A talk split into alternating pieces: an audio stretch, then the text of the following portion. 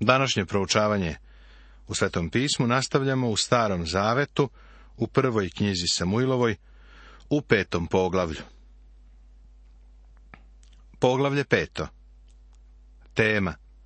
Boži sud nad Filistejima. Poglavlja pet i šest opisuju doživljaje Filisteja sa kovčegom zaveta koji su oteli. Shvatili su da vrednosti nema u kovčegu, on nikako nije bio Amajlija. Na kraju su Filisteji, plašeći se za svoj život, vratili kovčeg Izraelu, noseći ga na kolima do vet Semesovog polja. A Filisteji uzeše kovčeg Božiji i odnesoše iz Evenezera u Azot. I uzevši Filisteji kovčeg Božiji, unesoše ga u dom Dagonov i namestiše ga do Dagona a sutradan kad ustaše azočani rano, a to Dagon ležaše ničice na zemlji pred kovčegom gospodnjim. I oni uzeše Dagona i metnuše ga opet na njegovo mesto.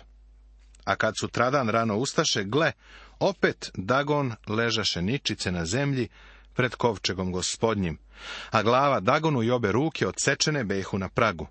Samo trup od Dagona beše ostao. Kada su Filisteji zarobili kovčeg, mislili su da imaju nešto dobro u rukama. Ali svaki put kad su ga postavljali u Dagonovoj kući, idol bi pao. Želeo bih sada da ti kažem nešto što ne znam da li ćeš i u jednom komentaru naći. Kada je prisutnost Kovčega u Dagonovoj kući dovela do toga da idol padne, pa od njega nije ostalo ništa osim delova, verujem da to otkriva Božiji smisao za humor. Bog je Filistejima pokazivao da je u njegovom prisustvu njihov Bog nemoćan.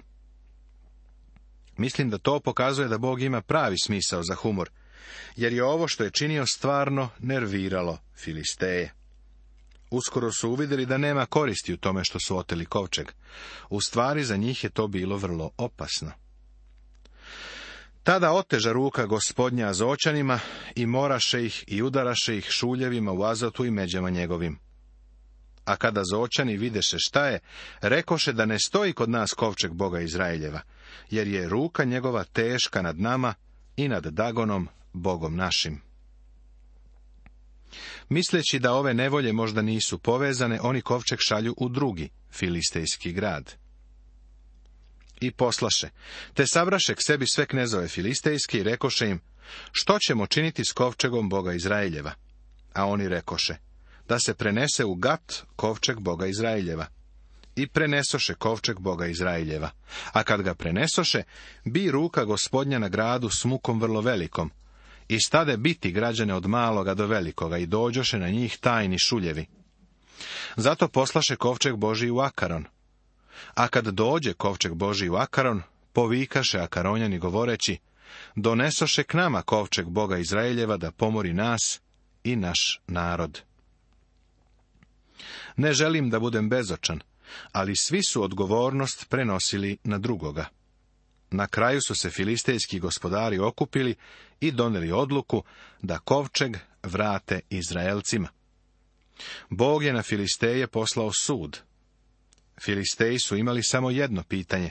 Šta da radimo sa izraelskim kovčegom? I beše kovče gospodnji u zemlji Filistejskoj sedam meseci. Ponovo ne želim da budem bezočan, ali imati kovčeg u posedu je isto kao držati vruć krompir. Kad god je kovčeg postavljen blizu idola Dagona, idol je pao. Ostali su samo delovi a to nije bio zadovoljavajući objekat za obožavanje. Već je dovoljno bedno što slave idola. Zato ljudi iz Gata više nisu želeli da budu kod njih. Poslali su ga u Ekron, ali su i ovi želeli da ga se otarase. Tada dozvaše Filisteji sveštenike i vrače, pa im rekoše, šta ćemo činiti s kovčegom gospodnjim? Naučite nas, kako ćemo ga poslati natrag na njegovo mesto a oni rekoše. Ako ćete natrag poslati kovčeg Boga Izraeljeva, ne šaljite ga prazna, nego uzanj podajte prinos za greh. Tada ćete ozdraviti i doznaćete zašto se ruka njegova nije odmakla od vas. A oni rekoše, kakav ćemo mu dati prinos za greh? A oni rekoše, prema broju kneževina filistejskih, pet zlatnih šuljeva i pet zlatnih miševa, jer je zlo jednako na svima vama i na knezovima vašim. Filisteji su želeli da se otarase kovčega, ali nisu znali kako. Zato su se savjetovali sa sveštenicima i vračima, koji su im rekli da kovče gospodnje ne vraćaju u Izrael prazan. Trebalo je da pošalju prilog, a taj prilog govori o grešnosti filistejskog obožavanja. Mnogi ljudi se pitaju zašto je Bog isterao Filisteje iz svoje zemlje. Obećana zemlja je bila baš na raskrsnicama sveta, a oni koji su je zauzeli imali bi uticaj na narode sveta. Bog ih je isterao zbog njihovog pogrešnog slavljenja. Oni su se u potpunosti okrenuli od Boga. Ovdje im ponovo Bog daje mogućnost da mu se vrate. Filistejski prilog se sastojao od pet zlatnih šuljeva, verovatno neke vrsta tumora ili čireva, i pet zlatnih miševa. I metnuše kovče gospodnje na kola i mali kovčežić s mišima zlatnim i sa slikama svojih šuljeva. Obrati pažnju na to da kada su Filisteji vraćali kovčeg zaveta Izraelcima, stavili su ga na kola. Ništa im se neće desiti, zato što ih stavljaju na kola. Znaš li zašto? Iskreno govoreći bolje nisu znali. Bog ih neće smatrati odgovornim za ovo delo. Ali Izrael je znao za bolje pa ćemo vidjeti kako ih je Bog kaznio zbog načina na koji su rukovali kovčegom. U čemu je razlika? Pa Izrael je znao za bolje prijatelju. I pođoše krave pravo putem u vet semes, i jednako iđahu istim putem, mučući i nesvrćući ni nadesno ni nalevo, a knezovi filistejski iđahu za njima do međe vet semeski. Krave koje su bile privezane za kola, su očigledno išle protiv prirodnog instinkta, ostavljajući telat kod kuće. Za Filisteje je to bio siguran znak da su njihove nevolje prouzrokovane Božijim delom. A vet semešani žnjahu pšenicu u dolini i podigavši oči svoje videše kovčeg i obradovaše se videvši ga. I dođoše kola na njivu Isusa vet semešanina i stadoše onde, a beše onde veliki kamen, i iscepaše drva od kola i prinesoše one krave na žrtvu paljenicu gospodu. A Leviti uzevši kovče gospodnji i kovčežić što beše pokraj njega, u kojem behu zakladi zlatni, metnuše na onaj veliki kamen.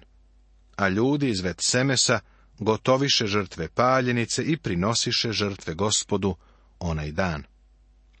Vidiš, Izraelci od Filisteja ne žele ništa da prime, naravno, zato ih treba pohvaliti. A to videvši pet knezova filistejskih, vratiše se u Akaron isti dan.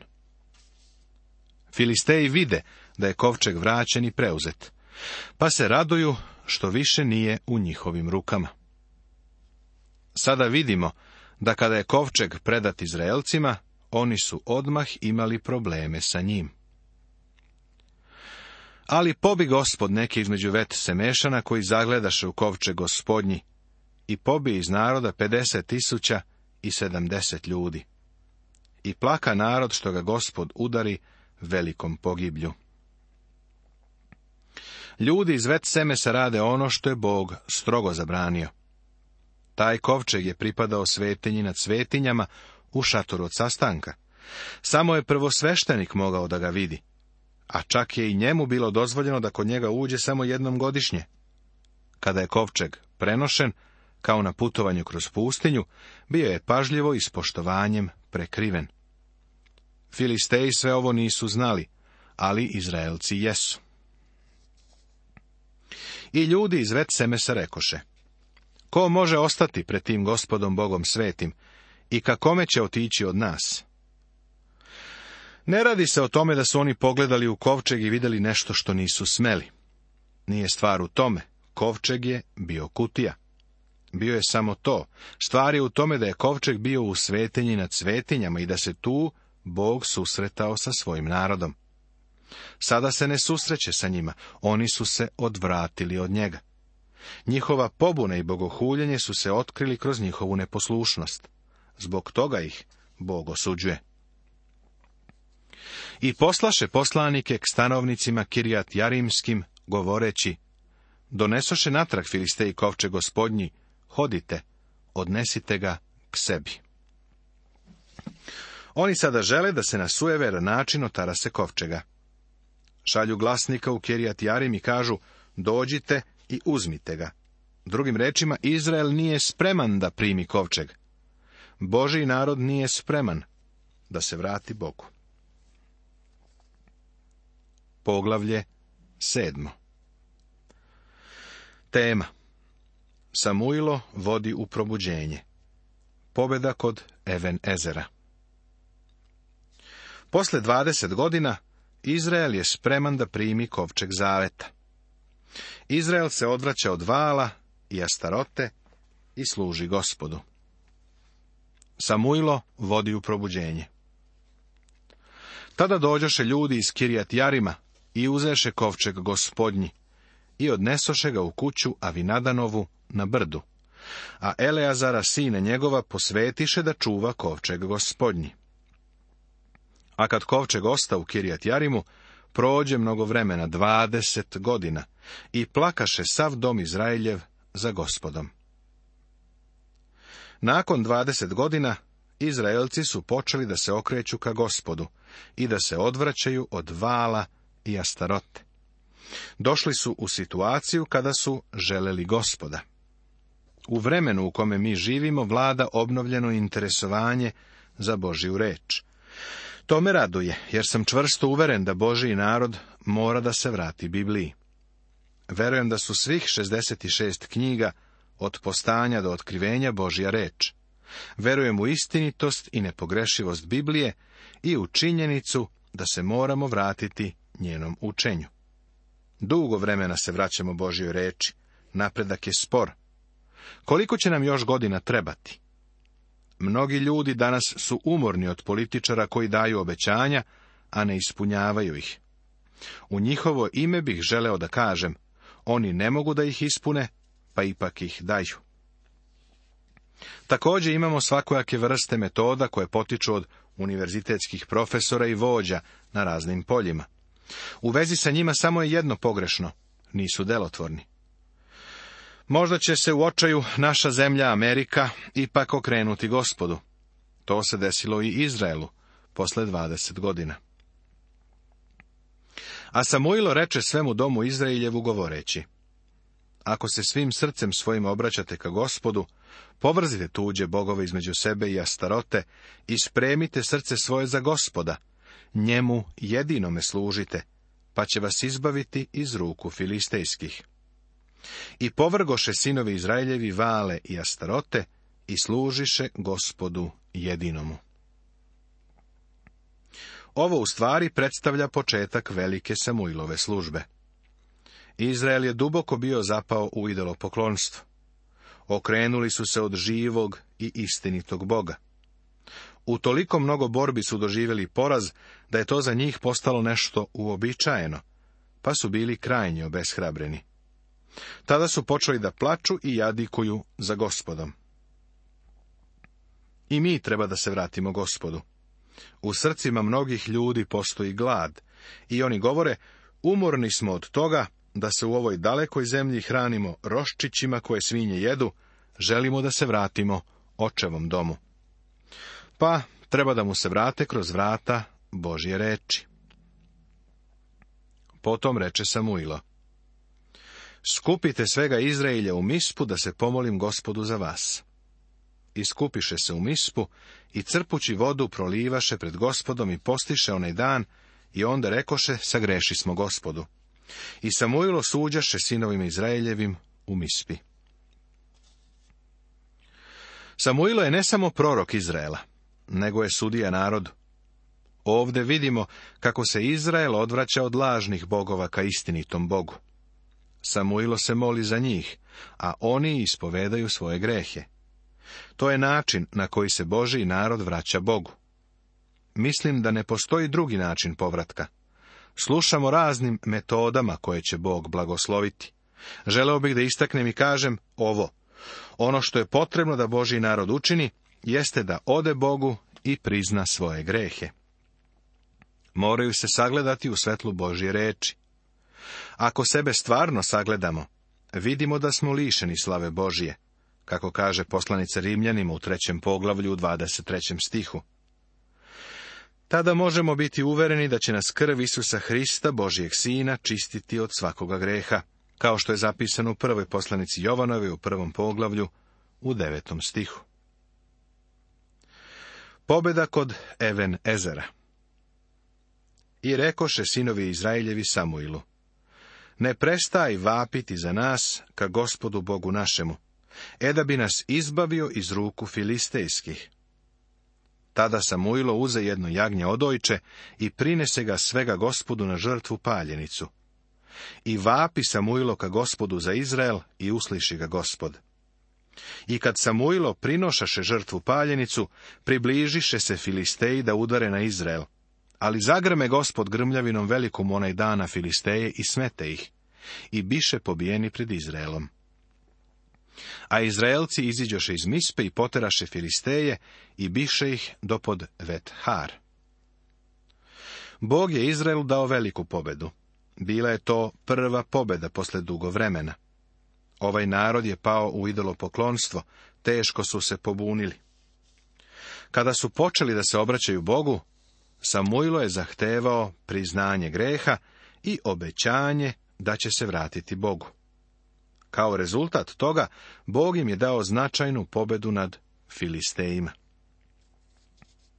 Tada uze Samuilo kamen i metnu ga između Mispe i Sena i nazva ga Even Ezer, jer reče, dovde nam gospod pomože.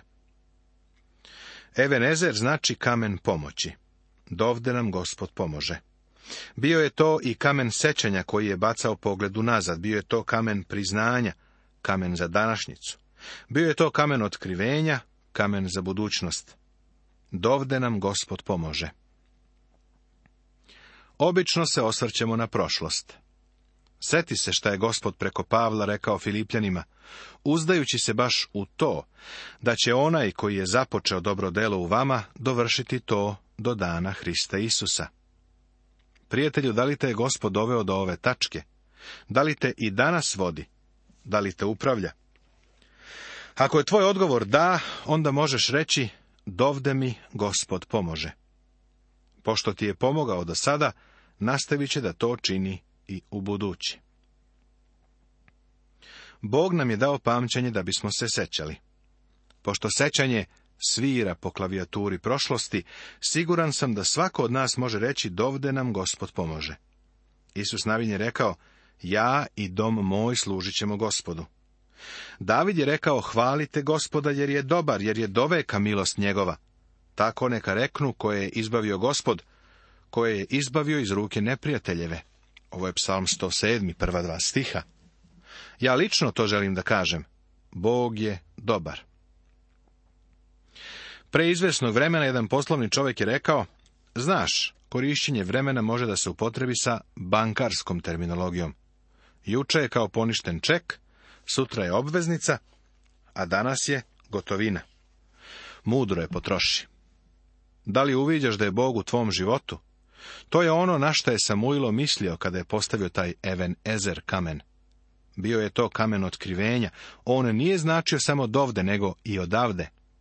Gospod je pastir moj, rekao je David, a onda je gledajući u budućnost kazao, ništa mi neće nedostajati. Jednom je neko rekao, vrlo sam zainteresovan za budućnost, jer očekujem da tu provedem ostatak svog života i želim da budem siguran u to kakva će budućnost biti.